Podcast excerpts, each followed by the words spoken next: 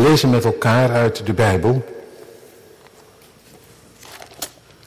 En we lezen uit Lucas 23, vers 13 tot en met 26. Lucas 23, vers 13 tot 26. Nadat Pilatus de overpriesters en de leiders en het volk bijeengeroepen had, zei hij tegen hen... U hebt deze mens naar mij toegebracht als iemand die het volk afvallig maakt. En zie, ik heb hem in uw aanwezigheid ondervraagd, maar ik heb in deze mens niets gevonden dat hem schuldig maakt aan die dingen waarvan u hem beschuldigt. Ja, ook Herodes niet, want ik heb u naar hem toegestuurd en zie, er is door hem niets gedaan wat de dood verdient. Ik zal hem dan straffen en loslaten. Hij was immers verplicht op het feest voor hen iemand los te laten.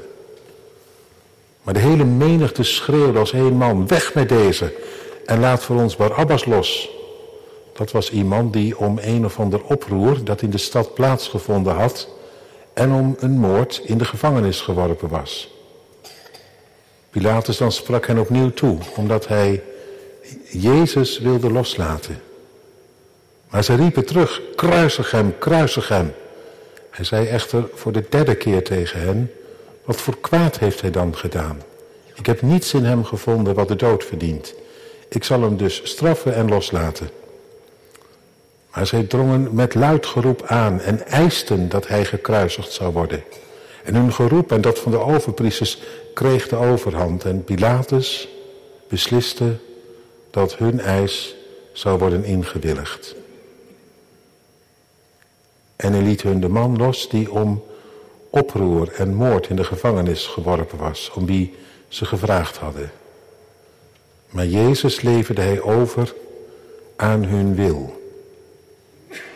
En toen zij hem wegleidden, grepen ze een zekere Simon van Cyrene die van de akker kwam en legde hem het kruis op om het achter Jezus aan te dragen. En dat laatste vers is het waarnaar we vooral willen gaan luisteren. En daarbij lezen we nog een paar woorden uit 1 Petrus 2.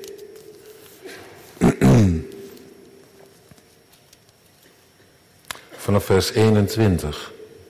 Want hiertoe bent u geroepen, omdat ook Christus voor ons geleden heeft.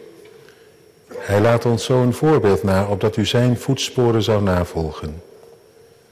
Hij die geen zonde gedaan heeft en in wiens mond geen bedrog gevonden is. Die toen hij werd uitgescholden niet terugschold. En toen hij leed niet dreigde. Maar het overgaf aan hem die rechtvaardig oordeelt. Die zelf onze zonden in zijn lichaam gedragen heeft op het hout. Opdat wij voor de zonde dood zouden leven voor de gerechtigheid. Door zijn striemen bent u genezen. Want u was als dwalende schapen, maar u bent nu bekeerd tot de herder en opziener van uw zielen. Tot zover de schriftlezing uit 1 Petrus 2. Zalig die het woord van God hoort en dat bewaart. Het thema voor de preek is hardhandig gegrepen genadig gered. Hardhandig gegrepen, genadig gered.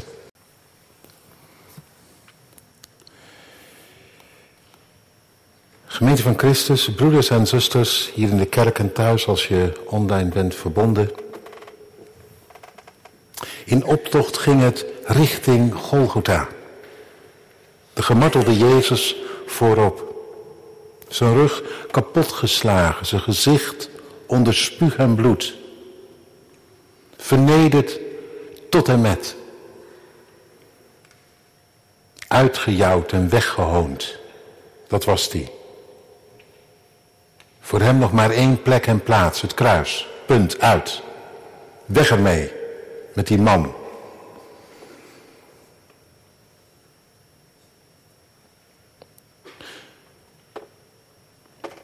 En nu dus onderweg. Om zo meteen op die bekende executieplek Golgotha te hangen tussen, drie, tussen twee andere criminelen. Voordat het Pesachfeest zou aanbreken, moest er met hem worden afgerekend, opgeruimd. Dat werd hij. Althans in de beleving van mensen. De mensen die hem voortduwden. Nou ja, die vielen nog wel mee, die soldaten. Hoewel, toen ze die Jood eenmaal in handen hadden, toen hebben ze een vredespel met hem gespeeld. Oh, jij bent de koning. Nou, we zullen zien. En Jezus had het met zich laten doen. Maar goed, de aanleiding was niet, die, was niet bij die soldaten, hè? die zat bij de overpriesters. De geestelijke elite van toen. Die zich zo wilde handhaven in eigen gelijk dat ze, dat ze met hem klaar waren. Aan hem geen boodschap meer. Hij zat hen in de weg. Een dwarsligger was hij. Jawel, in Gods naam, maar daar hadden zij geen boodschap aan, want het, het toorde hen, mateloos. En dan kun je honderd keer zeggen en laten zien dat je van God komt, maar daar schijnt dan niets aan te helpen. Het eigen gelijk kan heel diep zitten. Zo diep dat Jezus het ontgelden moet. Zo staat hier in dit zinnetje.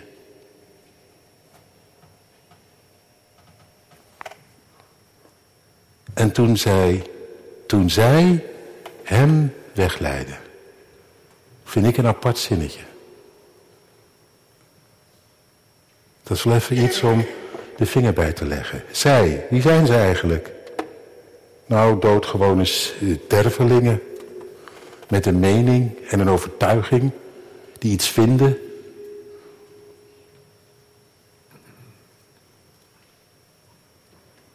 En de meeste van hen die, uh, ja, die deden eraan aan God.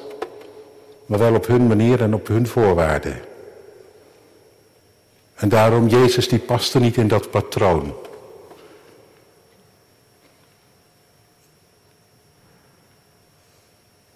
En toen, ja, toen hebben ze besloten dat hij eraan moest.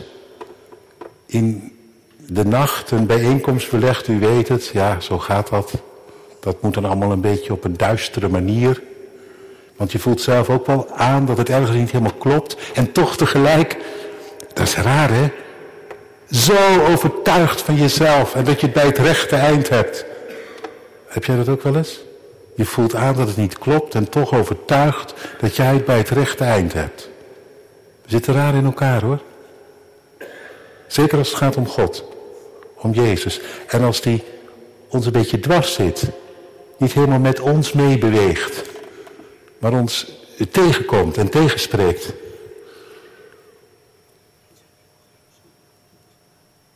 Nou ja, en toen, toen waren ze met z'n allen naar Pilatus gegaan. Want ja, er moest wel officieel van overheidswegen natuurlijk bevel worden gegeven. Ze konden niet op eigen houtje Jezus executeren. Anders hadden ze die nacht er gelijk nog werk van gemaakt. Maar dat ging niet, helaas.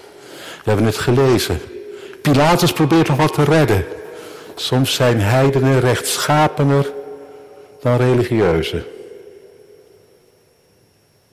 Die voelen aan, hier klopt iets niet. Die deugt voor geen ene meter. Maar zij hadden hun zinnen erop gezet. En nu moest het gebeuren ook. Weg met hem, kruisig hem, vervloekt zal die wezen. En dat is die ook, volgens onze wet. Nota bene, die denkt zoon van God te zijn. Vloeken is dat in de kerk.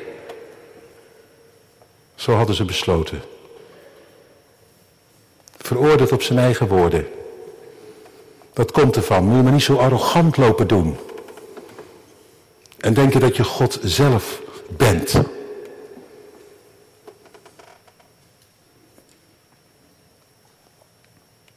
Ja, ik zei het al, Pilatus had nog geprobeerd wat te redden, maar er was geen redden meer aan. We hebben het gelezen. Zo onder druk gezet, ja, en ja, nou ja, dat weet u ook wel, hè, uit uw eigen leven. Je wilt eerst nog gewoon de goede kant blijven kiezen, recht blijven doen aan God en aan de ander. Maar je wordt op een gegeven moment soms zo onder druk gezet en dan komt je eigen positie in gevaar. Dan denk je, ja, hallo, ik moet toch ook wat en ik kan toch ook niet. En nou ja, vul het maar in. En dat heeft Pilatus ook gedacht.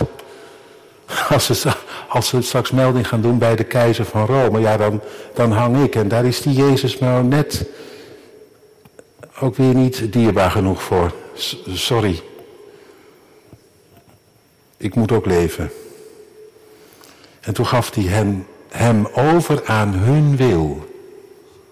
Nou, dan ben je een, ik zou, ja, raar gezegd misschien, maar dan ben je de aap gelogeerd. Al heet je Jezus. Al kom je uit de hemel, overgegeven aan hun wil. Dan gaat er nog maar één kant op. Linea recta, linea recta naar Golgotha, naar het kruis. Totdat hij dood is. Voor goed de mond gesnoerd. Apart hè? Ja, je staat erbij en kijkt ernaar en denkt, ben ik het heren?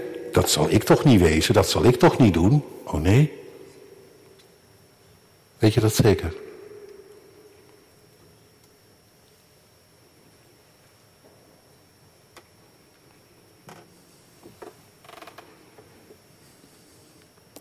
Toen zij hem wegleidde.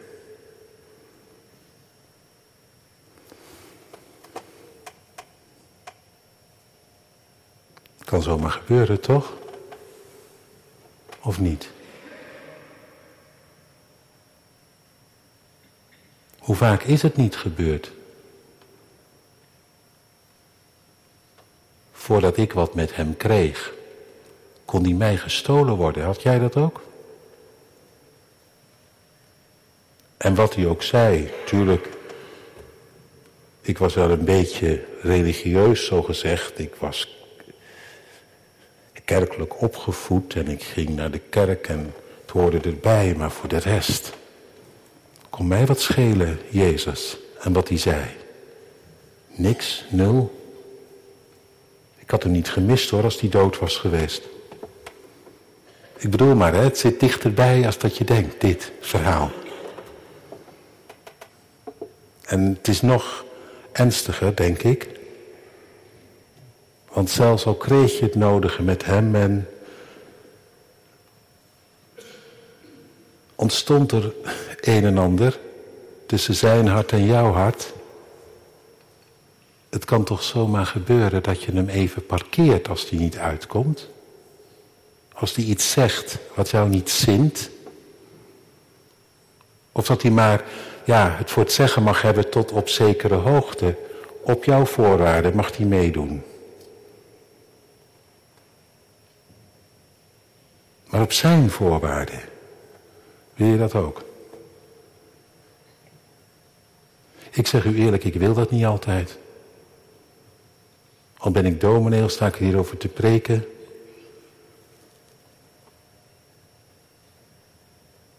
Ik denk zomaar af en toe, nu even niet. En dan ik zou bijna zeggen, dan kijkt Pilatus je aan, dan zegt Pilatus, dat kun, ja, kun je toch niet maken? Dat zegt soms iemand uit de wereld. Die ziet dat soms scherper. Dat kun je toch niet maken? Jij, christen? Nou ja, dus wel. En je laat je niet weerhouden. Nee, ik geef het u gewonnen. Dat is, dat geen fijne boodschap. Maar het gebeurde toen, het gebeurt nu. Het gebeurt zomaar. Voordat je het zelf weet, loop je mee met de meute in de stoet van toen en daar. Hier en nu, tot in gauw daartoe. Al zit je hier van, van, vanmiddag in de bank en dat is fijn. En dan sta ik hier op de preekstoel. Je loopt zomaar mee met de meute. En dat zeg ik niet om een zwaar praatje te vertellen. Want ik zou liever willen dat het voor mij niet gold. Want het is natuurlijk om te huilen dat ik ook zomaar soms tussen die meut te loop. Omdat ik hem even liever kwijt ben dan rijk. Omdat hij me even niet uitkomt, weet je wel. Omdat ik zo mijn eigen ideeën heb en, die, en dat ik die graag overeind hou. En dat kan dan over alles gaan, hè? Niet alleen over, over seks of zo, maar net zo goed over je geld en over je bezit en over omzien naar elkaar en over dat wat hij op zijn hart heeft. Maar ja, sorry, nee. En toen zij, ja, wie zijn wij eigenlijk? Nou, we voelen ons soms heel belangrijk. Soldaten, gewone jongens, deden hun werk. En zij, ja, wie verder nog meer? Nou, die uh, hoge priesters, keurige gewaden, verbeten gezichten. Het ging in hun beleving om de waarheid en intussen, toen zij hem wegleiden en verder het volk, ja, zo'n beetje Jan en Alleman, van rijp tot groen, van hoog tot laag. Ik weet niet wie er allemaal tussen gelopen heeft. Net zoiets als wat je nu soms bij de Passion zag, denk ik. Gewoon de mensen.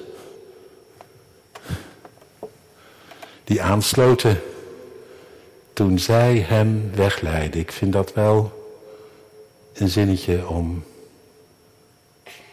even heel stil van te worden. En tegelijk een zinnetje om uit te breken in vreugde. Toen zij hem wegleiden. Want weet u hoe bizar ook, hè?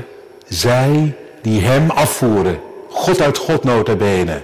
De mond snoeren. En denken het grootste gelijk van de wereld hebben. Bizar. Maar weet u wat nog veel aparter is? Dat hij het laat gebeuren. Dat zit er natuurlijk ook in. Hij laat het gewoon gebeuren.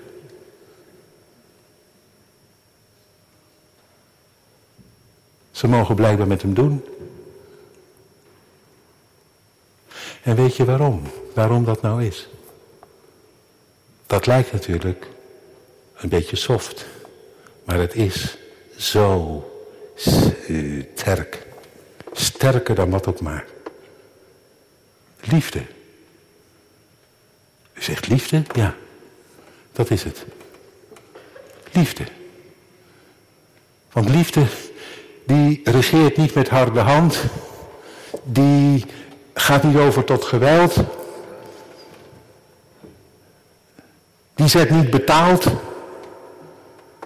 Liefde. Weet je wat je daarmee kan doen? Daar kun je alles mee doen. Dan kun je aan gewonnen geven en zo niet, dan kun je het vertrappen, vertreden, verachten, afwijzen, vermoorden, de nek omdraaien. Dat kun je met liefde doen. En daarom kun je dit met Jezus doen. En kunnen wij met God doen wat we willen, omdat Hij liefde is. En niet gelijk een lik op stuk beleid voert. Daar is God niet van. En daar ga ik nou verder niet over uitweiden, maar als je de Bijbel goed leest, hè, vanaf Genesis 3 door het hele Oude Testament heen. Eén grote tragedie van vertrappen, negeren, vergeten, afhoereren. En God die aan het kortste eind trekt. En zijn liefde wordt opgerekt tot en met. En hij bidt en hij smeekt. En op een gegeven moment dan breekt het zelfs. De liefde zo ge, ge, uh, gepijnigd, gekrenkt, gekwetst. Dat, hij, dat God niet meer kan. Nou, dan moet je een end gaan hoor. Als God niet meer kan. En dan komt het volk in de ballingschap. Dan zegt hij, het is uit, over, ik ga scheiden. God die het scheiden haat. Hij zelf. Hij zegt, ik ga scheiden.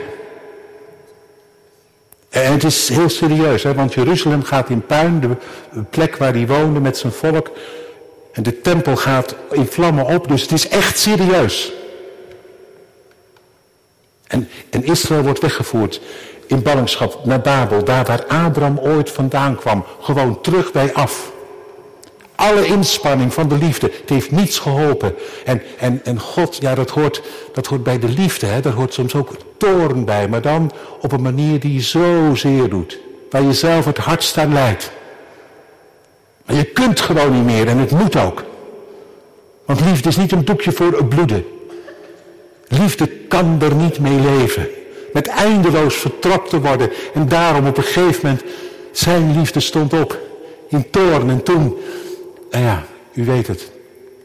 was het gedaan. Nou nee, toch niet. Nee, apart, midden, midden in die toorn. Gedacht hij aan zijn ontfermende liefde. Ja, het is apart. Eén groot laaiend vuur, maar daar middenin. Want die toorn die kwam voort uit liefde, toch weer liefde die zich in hem opdrong, innerlijk met barmhartigheid bewogen. En de scheiding was nog niet voorbij of hij zei, ik zal je roepen als een verlaten vrouw. En bergen mogen wijken, heuvelen zullen wankelen, maar mijn goede tierenheid zal niet wijken, niet wankelen. God die er opnieuw voor gaat en zegt, hoe het ook gaat, stuk lopen tussen jou en mij zal het nooit meer. Nou, ik sta over liefde te preken die ik niet snap. Die ik echt niet snap. Eeuwige liefde. Maar niet, dat hebt u wel begrepen. Niet soft. Geen doekje voor het bloeden. Niet, oh, maakt niet uit. Maakt alles uit. Nou, en, en nou ga ik weer terug eh, vanuit het Oude Testament naar dat gebeuren van toen. Want die dag wordt, wordt eigenlijk de hele geschiedenis van God met Israël vervuld in dit ene zinnetje. Toen zij, ja zij, zij zijn nog altijd hetzelfde. Toen zij hem wegleiden, dat hij het dan laat gebeuren. Dat hij zich laat vertrappen en vertreden. En dan intussen iets doet. Ja, want dat weten u en ik. Wat op die dag geen mens nog door heeft, maar wat wel bezig is te gebeuren. Liefde die wordt vertrapt. En Gods liefde ontbrandt in toorn. Nu hij in Jezus het ontgelden moet, gedood wordt. Maar daar midden in die toren, ik snap het niet, maar ik hoor het. Is er één die bidt, zometeen. Vader, vergeef hen, want ze hebben geen idee. Ze weten niet wat ze doen. Ze doen maar wat. Vergeef hen alstublieft. En is er één die, die boet, die bloedt. Liefde die doodgaat aan ons en doodgaat voor ons. Toen zij hem wegleidden, hier gebeurt het. Ja, je zou, je zou zeggen dat mensen het niet gezien hebben. Nou, dat snap ik wel. Ik zie het ook lang niet altijd. Maar het gebeurt intussen wel. Hier gebeurt wat Jezaja had gezegd. Wij dwaalden alle als schapen. Wij keerden ons ieder naar zijn weg. Wij deden maar wat. En wij dachten het nog bij het rechte eind te hebben ook. Maar de Heere heeft op dat moment al dat dwalen van ons, dat verwerpen van hem, dat klaar met hem wezen, weet je wel, op hem doen aankomen, diezelfde dag nog, hè? Het werd hem achteraan gedragen, dat gedoe van ons. En hij heeft onze zonde, schrijft Petrus later, gedragen tot op het hout. Toen zij hem wegleiden. En hij liet het gebeuren als een lam zich naar de slachtbank leiden. En hij deed zijn mond niet open. Om in liefde te gaan tot het uiterste. Hij deed er in liefde het zwijgen toe. Stel je toch voor dat hij zijn mond open had gedaan. Nou, daar waren u en ik nergens gebleven. Hij zweeg. In liefde zweeg hij. Totdat het klonk, volbracht. Verzoend. En het voorhangsel scheurde. En wij met z'n allen, die mensen toen en daar en u en ik erbij. Met al ons eigen wijze geneuzel en gedrag. Zomaar terecht kunnen vrije toegang. Nou ja, die gedachten kwamen bij mij op toen ik dat zinnetje las. Toen zij hem wegleidde. En Paulus die zegt het later in één zin. En dat is zo, zo magnifiek, lieve mensen. En het is misschien het bekende verhaal. Maar dan hoop ik dat u gewoon vanmiddag toch even, gewoon als het ware, nou ja, hoe moet ik zeggen?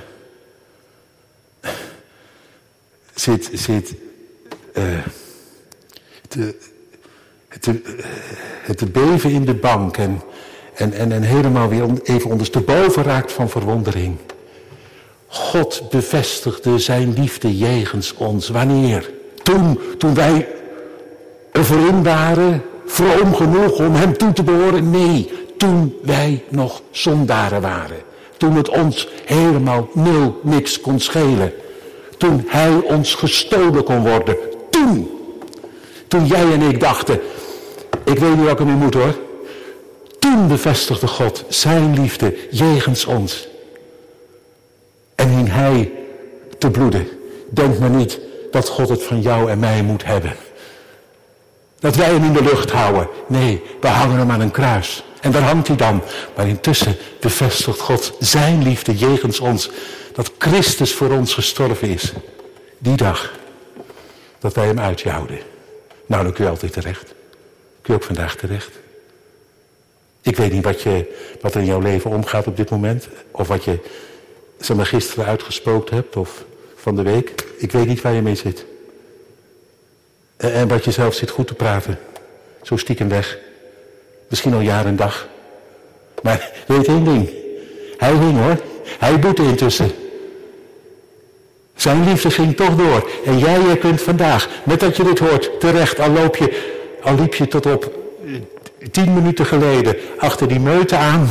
Kun je toch terecht. En nu, ja. En dan blijkt er al verzoening te zijn voordat jij erom vroeg. Dat hij dat kwaad van jou al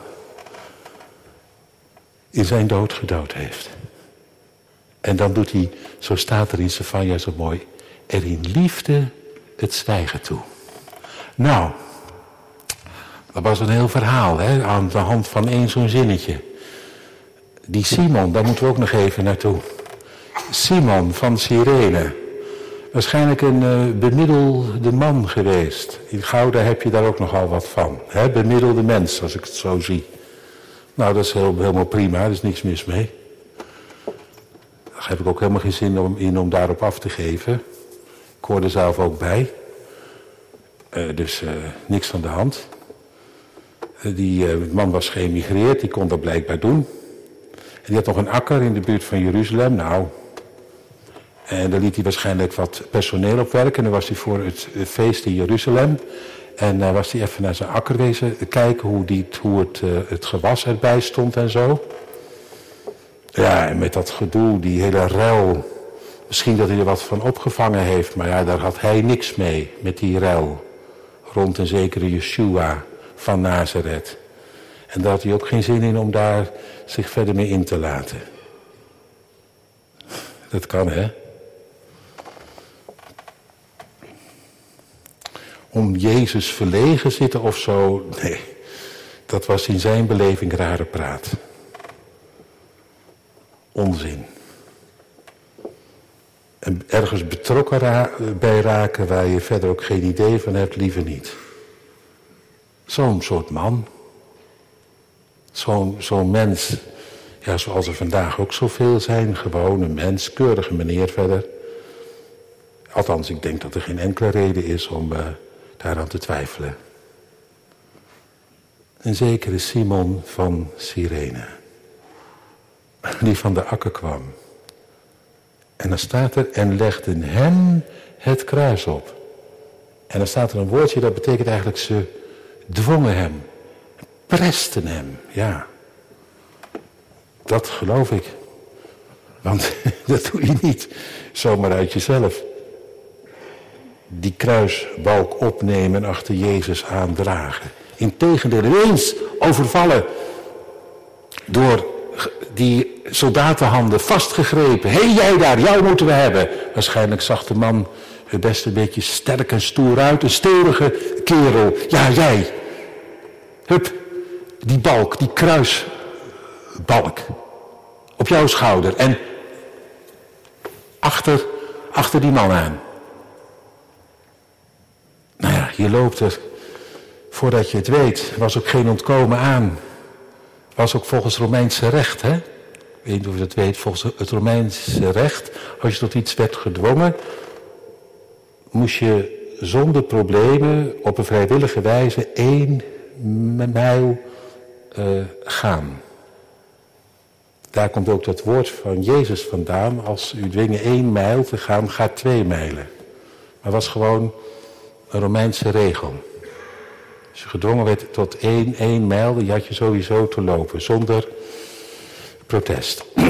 dus uh, die vlieger ging niet op om daartegen te protesteren. Geprest. Ja.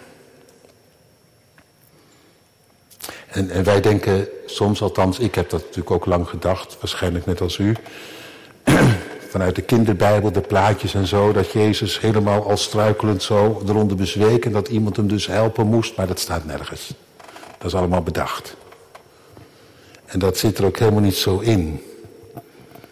Dat Jezus op die manier dan uh, een handje geholpen zou moeten worden. Dat het lijden een beetje verlicht zou zijn geweest. Er is vandaag geen verlichting voor Jezus. Soldaten hebben een heel ander idee. Ze hebben net een spel met hem gespeeld. Koning van de Joden. Het, het bordje van zijn beschuldiging, dat dragen ze ook mee. Dat wordt straks boven zijn hoofd gespijkerd. Koning van de Joden. Nou ja, een beetje koning heeft toch een lakij, kom op zeg. Dus ze zetten het spel nog even voort. Dat heb je soms. Als je eenmaal met Jezus aan het spelen bent, een spelletje aan het spelen. Als de, als, als de ironie en het cynisme je te pakken hebben, dan kom je er moeilijk meer uit los. Nou ja, dat was bij die jongens dus ook zo. Een spelletje spelen. Ironisch, leuk, lakij erbij. Ja, dat was het voor de soldaten. Weet u wat ik ontdekte? Ja, hoe, hoe, hoe verderfelijk misschien ook wat die soldaten deden. Het is zo apart die dag. Want ik geloof dat dwars daar doorheen God ook iets deed. Ik weet niet of u het weet, maar bij de grote verzoendag werd er een bok die de zonde droeg de woestijn ingestuurd. En die moest worden begeleid door een man die daarvoor werd aangewezen. Een man uit het volk. Ja, door dat vuile soldatenspelletje heen gaat God zijn ongekende gang. Ik weet het, je ziet het er zomaar niet van af. Maar als je er eenmaal oog voor krijgt, dan kijk je ogen uit. God ook vandaag, een man uit het volk, om het lam dat de zonde der wereld de stad uitdraagt tot op het hout. Om hem te begeleiden. Ja. Meer dan een lakij. Een die van hogerhand er vandaag bij hoort om het zichtbaar te maken. Dat het om meer gaat dan een vreed spel dat God zelf genadig in de weer is. Ze presten hem. Ja, dat kun je hebben.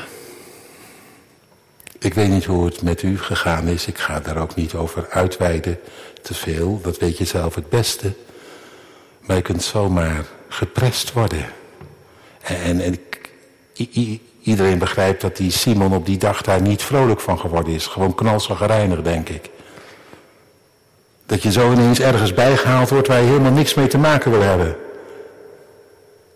En dat je eigenlijk een beetje voor schut loopt, dat begrijpt iedereen wel. Al was het dan bevel van de Romeinen. Maar wie wil daar nou lopen met zo'n kruisbalk op je rug achter zo'n veroordeelde aan? Net alsof jij er ook bij hoort. Nou, liever niet. Geprest. Dat hebben jongeren soms. Mee naar de kerk. Misschien heb je jezelf ook wel zo gezeten. Geprest. Gedwongen. Kom op, eruit. Je moest. Je vader zei, tot jij 18 jaar bent, maak ik het uit. Dus hup. Nou ja, daar word je niet altijd vrolijk van, integendeel. Moet ik daar blij mee wezen? En als je dan nog iemand zag van school, dan schaamde je oog uit je hoofd. Dat jij er ook bij zou horen bij de club. Nou, mooi niet dus. En zo zijn er misschien nog wel veel meer voorbeelden te geven geprest, betrokken bij de zaak van Jezus, gedwongen. Je had er niks mee, maar ja, je kwam ermee in aanraking. Misschien wel via een vriend of een vriendin. Je kreeg verkering. Hij of zij verzekerde dat geloof, ja, dat zul je erbij moeten nemen. En toen dacht jij, nou ja, dat zal uh, wel meevallen, dat zullen we wel zien. Of dat zal wel loslopen. Je ging eens een keer mee en nog een keer. En ja, je voelde je eigenlijk helemaal niet op je gemak. En het voelde allemaal raar en, en vreemd. En je werd er ook een beetje, ja, misschien ook wat zaggerijnig van en zo. Denk je, zit ik hier? Maar ja, hij of zij was toch te leuk om zomaar op te geven. Gedwongen. En dan ineens, ja, want ja, dat is het bij die Simon ook geweest. Ineens. Ja, hoe precies, dat staat er allemaal niet bij. Maar weet u, die heeft twee zoons gehad, Alexander en Rufus. Die worden, worden later genoemd als twee vooraanstaande figuren in de gemeente van Rome. Hè? Ja, zo kan het gaan. Zo kan het beginnen. Geprest, gedwongen. Maar op de een of andere manier is er iets doorgedrongen. Hoe precies, staat er niet bij. Maakt ook niet uit. Elk verhaal is weer anders.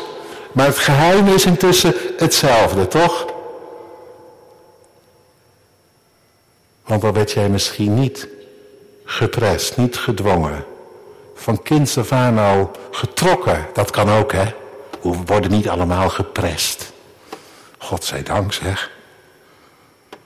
Maar, maar dan weet je toch ook wel, al was het dan niet een hardhandige soldatenhand of, nou ja, iets wat je moest tegen wil en dank, dan was het toch altijd wel iets van die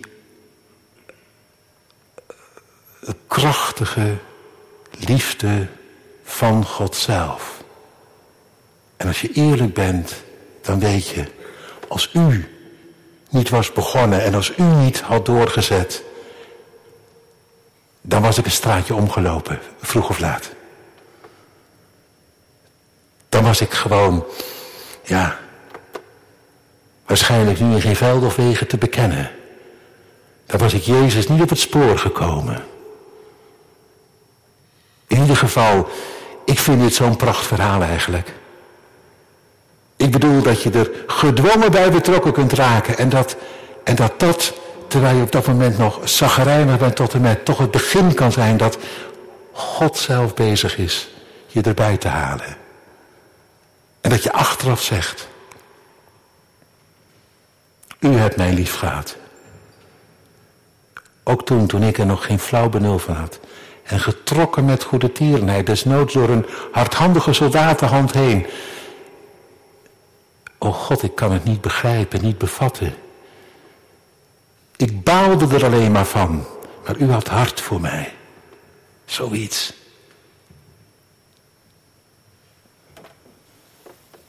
Nou ja, ik, ik zou zeggen, haal het nog eens op vandaag. Dat is helemaal niet verkeerd. Gewoon haal het nou nog eens op. Jij bent geen Simon, jij liep daar toen niet bij. Maar je hebt toch ook wel een verhaal? Ik bedoel, het is hier toch ook niet komen aanwaaien dat jij van alles kreeg met hem en hij met jou. Haal het nog eens op. Kijk het nog eens na. Verbaas je nog eens een keer. Wees nog eens een keer verwonderd over hoe die liefde tegen wil en dank jou wist te vinden. Jou erbij haalde. Want weet u, en daar ga ik mee eindigen. Dat vind ik, vind eigenlijk. Ja, dat staat hier niet. Maar die Simon die werd dus volgeling uiteindelijk. Dat is duidelijk aan die jongens. Dat kan niet anders. Via hem is naar die jongens gegaan. Zoveel had hij ermee gekregen blijkbaar. Mooi hè, trouwens ga ik nu verder niet meer over preken hoor. Maar dat zou je toch wel willen als je er zelf alles mee kreeg, dat het doorgaat naar je kinderen. Dat is, dat is dan toch je dagelijks gebed of zeg ik nou iets heel geks? En dat je zegt, oh God, als u mij weet, wist te vinden, dan heb ik ook hoop voor die kinderen van mij. Ze hebben net zo'n hart als ik. De appel valt niet ver van de boom, maar u hebt hart. U had hart voor mij. Alsjeblieft, heb hart voor hen. U die het verlorene zoekt. Lieve mensen, als je wil dat er een volgende generatie zal opstaan die alles krijgt met God, is er maar één remedie, hè? Niet het volgende beleidsplan. Goed hoor, helemaal prima. Doen wij ook in Rotterdam. Tuurlijk. Maar dat is de remedie niet. De enige remedie is u en ik, wij met z'n allen, op de knieën, op, uh, om hem. Die waar wij geen hart voor hem hebben. En in Gouda zal dat net zo zijn als toen in Jeruzalem, of niet? Of is het hier uh, een beetje beter? Wat denkt u? Maar dan toch een beroep op hem. Die volgelingen, die hebben dat gedaan. En zeven weken daarna de geest uit de hoge neergestort. Waar? In het hol van de leeuw.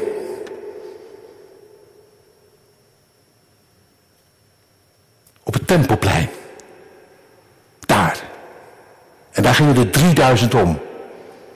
Die hem gekruisigd hadden. Zo kan het gaan. Nou ja, goed. Heb ik toch uh, weer wat gezegd over die, uh, die zoons van, van Simon. Maar het geeft mij ook hoop, snapt u? Anders dan zou ik ook de moed verliezen. Als ik kijk om me heen, als ik zie, ook hier. Twintig jaar geleden zat het hier om vijf uur vol. Nu is het leeg. Nou ja, leeg, half vol. Hè? Ja, secularisatie zeggen we dan. Ja, we zijn nog blij met... Oh. Ik zal maar gewoon gaan bidden. Zeg geen kruid tegen gewas hoor. Behalve dit. Met bidden en vasten. Zult u de wereld die steeds meer vat op ons krijgt overwinnen. Maar goed, genoeg nu. Terug naar dat beeld. Simon met een kruis. Een kruisbalk. Achter Jezus aan. En, en ja, dan als vanzelf. Hè? Dat staat hier niet, maar ik eindig er wel mee. Als vanzelf denk je dan toch. Als je eenmaal voor hem bent ingewonnen. Ja, dan word je ook keer op keer gedwongen. U zegt, nee toch, als je toch bent ingewonnen, dan wil je toch gewoon niks liever. Nou, ik denk het niet. Staat ook niet in de Bijbel trouwens. Staat helemaal niet in de Bijbel dat je dan heel graag achter Jezus aan kruis draagt. Staat nergens. Dat maken soms hele vrome mensen ervan. Orthodoxe mensen die zeggen, ja maar als je echt bekeerd bent dan. Of hele evangelische mensen die zeggen, ja maar als je in de Heer bent dan. Nou, het staat allemaal niet in de Bijbel. En daar wou ik het maar gewoon op houden. In de Bijbel staat, wie achter mij wil komen, verloochenen zichzelf. Moet je nee zeggen tegen jezelf. Hard gelach hoor. Dan word je gedwongen. Waardoor? Nee, niet door een soldatenhand, maar door de liefde van hem met wie jij mee de dood inging. En met wie je bent opgestaan. God, u hebt me gered. Maar ik heb er nog steeds geen zin in. Wie achter mij wil komen, verloochenen zichzelf. Nee zeggen tegen jezelf. Neem het kruis op zich. Een nee over al jouw eigen plannetjes, dingetjes, waarvan je weet het deugt eigenlijk niet. En die je toch heel graag aan de hand houdt. En dat, ja, dat ging aan het kruis. En nu, dat kruis over jou, dat moet dood. Nou, je voelt wel aan, hè. Daar is wat drang voor nodig. Dwang soms van hogerhand. Van hem die zei, ik was toch dood en jij met mij. En nu, dood voor de zonde, zul je toch leven voor gerechtigheid, met mij opstaan. Wie achter mij wil komen, neem eens een kruis op zich. Ja, misschien in eerste instantie wel gedwongen, vanwege de liefde, zijn liefde tot in de dood. En volgen mij. En graag een beetje vrolijk, zei hij erbij. Met een blij gezicht. Omdat je het goede mag doen en het kwade voorbij komt. Zou je daar niet vrolijk van worden? En dan, ja, nou ja. Zie je jezelf lopen? Laat jij je door deze liefde dwingen? Ja, dan komt er even op aan, hè. Ik ga dat niet meer verder uitleggen. Ik leg dat gewoon bij je neer. Want u hoort dat en ik hoor dat. En dan kan het heel makkelijk dat je straks gewoon wegloopt en het over tien minuten bent vergeten. En er gewoon niks mee doet. En gewoon je ding blijft doen zoals je het altijd deed. En er totaal niet aan stoort. Dus de vraag is nu aan jou, aan mij. Laten wij ons gezeggen. Wie achter mij wil komen, en dat is dus niet meer het spel van soldaten, maar dat is de navolging van Jezus. discipelschap, zoals dat heet, die achter mij wil komen, verloochenen zichzelf, nee zeggen tegen dat waar jij zo aan gehecht bent, wat jou zo lief is, aan verslaafd misschien wel, waar jij niet van los wil komen, een kruis erover, en dan achter hem aan. En dan mag jij, dan mag u overdenken wat dat vandaag of morgen voor jou betekent. En wat jij dan doet.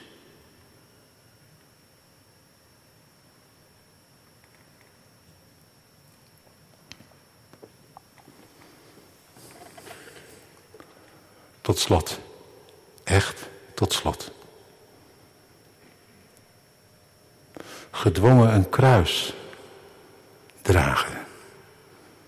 Nee, je vraagt er niet altijd om, maar soms gebeurt dat gewoon door het leven. De pijn, de stress, het verlies, het verdriet, de scheiding, de dood. Je krijgt het zomaar opgelegd. Door wie? Door God. Nou zou ik zo niet gelijk willen zeggen. Door het leven zelf. Zo is het leven, zeggen we dan. Ja, en intussen, daar ga je dan. Gebukt onder dit of dat. Weet u, dan maakt het alles uit of hij voorop gaat. Dat maakt dan echt alles uit. Want of je moet het doen met je kruis totdat je de dood bij neervalt. Of je ziet op hem. Ja, je ziet het die dag nog niet, maar intussen zien wij het wel, schrijft de schrijver van de Hebreeënbrief. Wat zien we dan? Nou, hem met eer en heerlijkheid gekroond, dat hij erboven is. En dat ik achter hem aan, onder mijn kruis, met tranen in mijn ogen, toch mijn overwinning tegemoet loop. Nog een paar dagen lopen dan ben ik waar ik wezen moet. Amen.